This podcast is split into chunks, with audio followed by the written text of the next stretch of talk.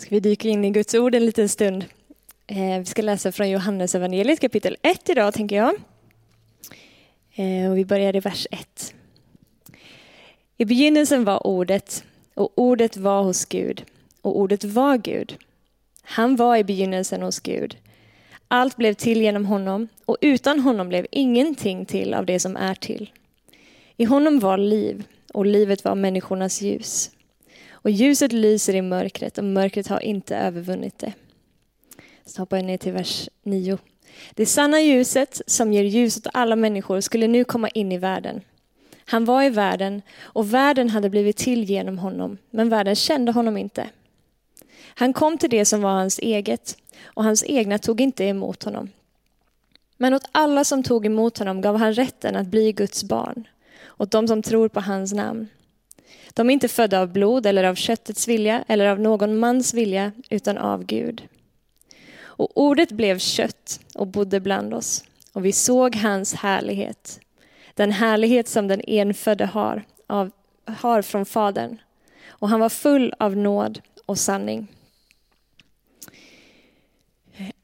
Aldrig pratar vi väl så mycket som just den här tiden om eh, namnet Immanuel, som är namnet som eh, vi läser om i Jesaja kapitel 7, att eh, jungfrun som blir havande ska ge åt den son som hon föder. Och Immanuel betyder Gud med oss. Om och om igen just nu så, så påminns vi om just de orden och vad det innebär. Och Gud med oss ser vi hända i det som vi precis läste här från Johannes evangeliet kapitel 1 och vers 14. Att ordet blir kött. Han som var ordet, han som är det levande ordet, han som var Gud själv. Han för en tid avsäger sig himmelens härlighet och prakt och majestät eh, och kliver ner till det som är det jordiska, till det som var det brustna, till det som var det trasiga, identifierar sig med mänskligheten, blir ett med mänskligheten. Ordet blir kött och tar sin boning bland oss, flyttar ner till oss. Det här är ett mysterium som är för svårt för det mänskliga sinnet att greppa. Hur kan det här gå till? Liksom? Hur, kan, hur kan en jungfru bli havande, för det första? Eh, hur kan Gud bli människa? Hur kan det himmelska förena sig med det jordiska? Det är ett mysterium som, som vi med bara intellektet faktiskt inte kan ta till oss eller förstå. Eh, men våra hjärtan är skapade för att kunna ta emot det som en sanning och den heliga ande kan uppenbara det mysteriet för oss så att det blir en upplevd verklighet i våra liv. Men när vi läser det här i alla fall och, och under julen, liksom, vi påminns om eh, jungfrufödseln och ordet som blir kött och tar sin boning bland oss. Vi kan läsa det som en, en berättelse som hände någon gång för länge sedan i ett land långt, långt borta. Och, eh, det, var, det var märkligt. Liksom. Eller så kan vi läsa det som en berättelse som inte bara var en berättelse som hände för länge, länge sedan, långt, långt borta någonstans. Utan vi kan läsa det som ett levande ord som faktiskt är relevant för dig och mig här just nu. Tänk om vi kunde läsa det som att han som är det levande ordet, som en gång tog sin boning bland oss, som klev ner och blev ett med mänskligheten, nu faktiskt också tar sin boning i dig och mig. Han som är det levande ordet. Tänk om han nu vill bli kött i dig och mig att hans liv, att hans rike, att den han är fick flytta in på din och min insida så att allt det som han förkroppsligade, det som Gud själv förkroppsligade i människan Jesus, att det fick realiseras på din och min insida. Inte bara en berättelse för 2000 år sedan, men idag så vill det här ordet ta sin boning mitt ibland oss, mitt i ditt hjärta. Det är evangelium för dig och mig idag. Gud och hans rike gör sitt inträde genom personen Jesus när han tar sin boning ibland oss. Och han gör sitt inträde med sitt rike i varje hjärta som ödmjukt tar emot honom.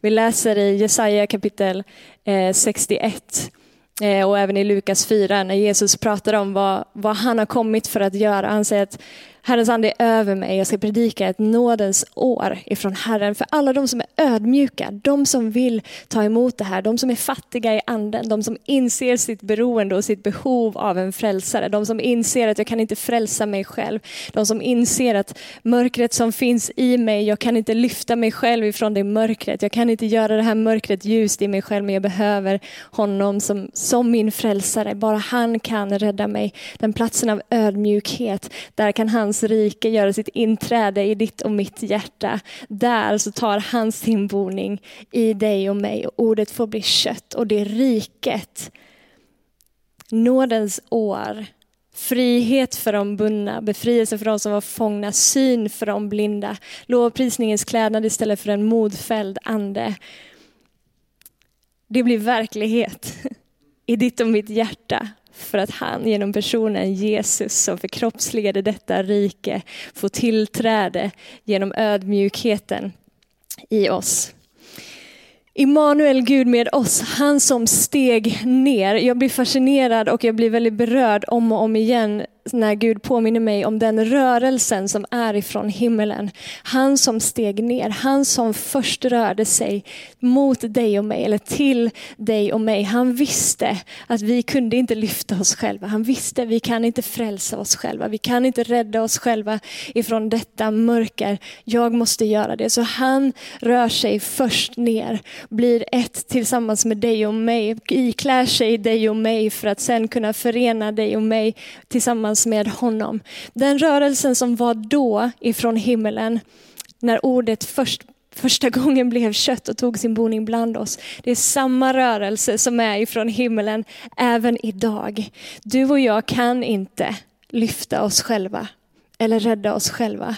Men Gud om och om igen rör sig till oss. Han är den som först sträcker sig till dig. Han gjorde inte det bara en gång då för 2000 år sedan och sen lyfte bort sin hand och är passiv åskådare utan fortfarande lika engagerad i ditt och mitt liv. Och vi hörde här för eh, någon gudstjänst sedan Eh, någon som pratade om rop ropet Hosianna, Herre fräls mig. Han är ju initiativtagaren till att du och jag ens kan ropa Hosianna fräls mig. Herre rädda mig. Han har lagt den bönen och den längtan i ditt och mitt liv för att han har för avsikt att möta den. För att han igen vill, vill lyfta, rädda, befria, upprätta, hela, bota, vad det än kan vara. Gud är inte rädd för mörkret. Gud är ljus, inget mörker finns i honom. Han är inte rädd för mörkret. Gud flyr inte bort från mörkret. Han flyr inte bort från synden. Rörelsen ifrån himmelen, när Jesus kliver ner och blir ett med mänskligheten, visar på att han drar sig nära det som var sargat.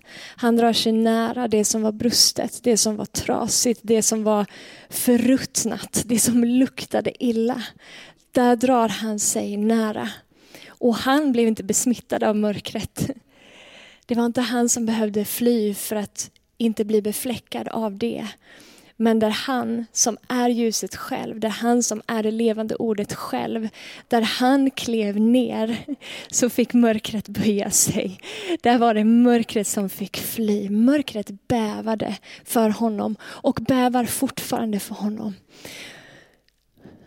Samma sak nu. Han är inte rädd för mörkret som är i den här världen. Han flyr inte från mörkret som är i den här världen.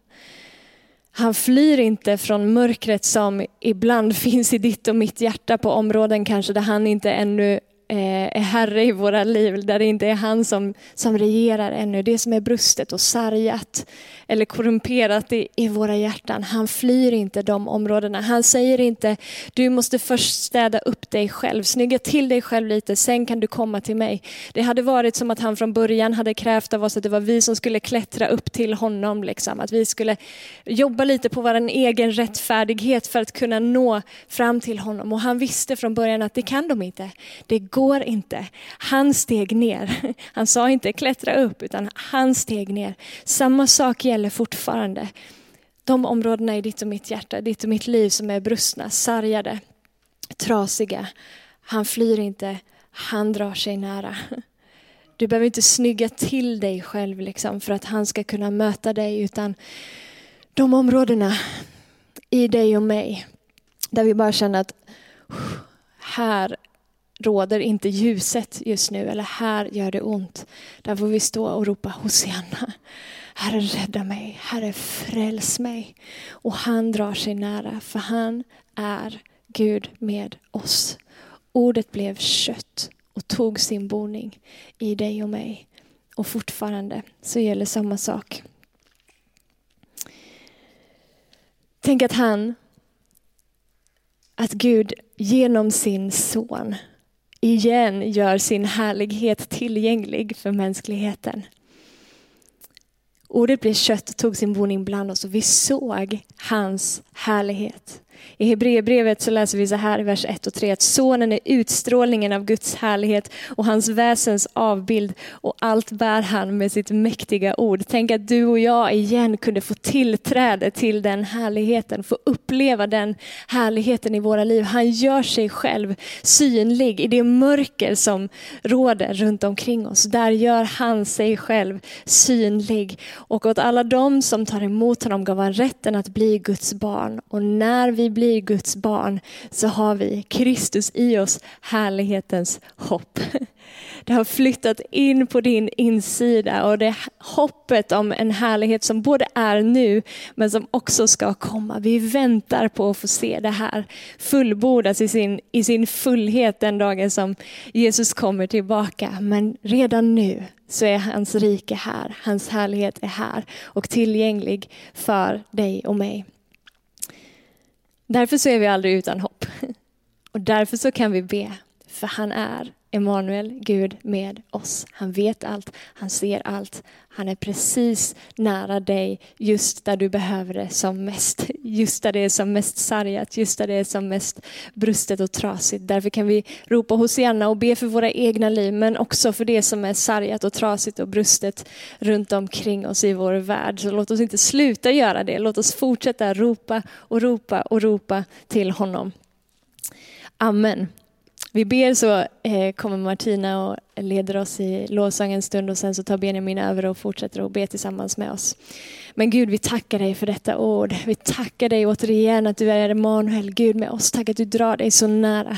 Tack att du är närmare än vårt andetag, Herre. Vi tackar dig att du har gjort dig själv tillgänglig för oss. Att du inte har krävt av oss att vi skulle klättra upp till dig genom att försöka jobba lite på oss själva. Att försöka bli lite bättre så att vi kunde liksom nå upp till dina krav eller så. Utan du var den som först rörde dig till oss. Och vi tackar dig att den rörelsen ifrån himlen är densamma fortfarande idag.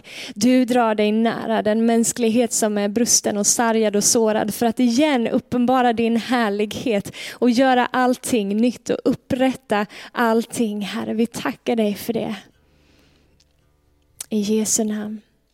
Amen.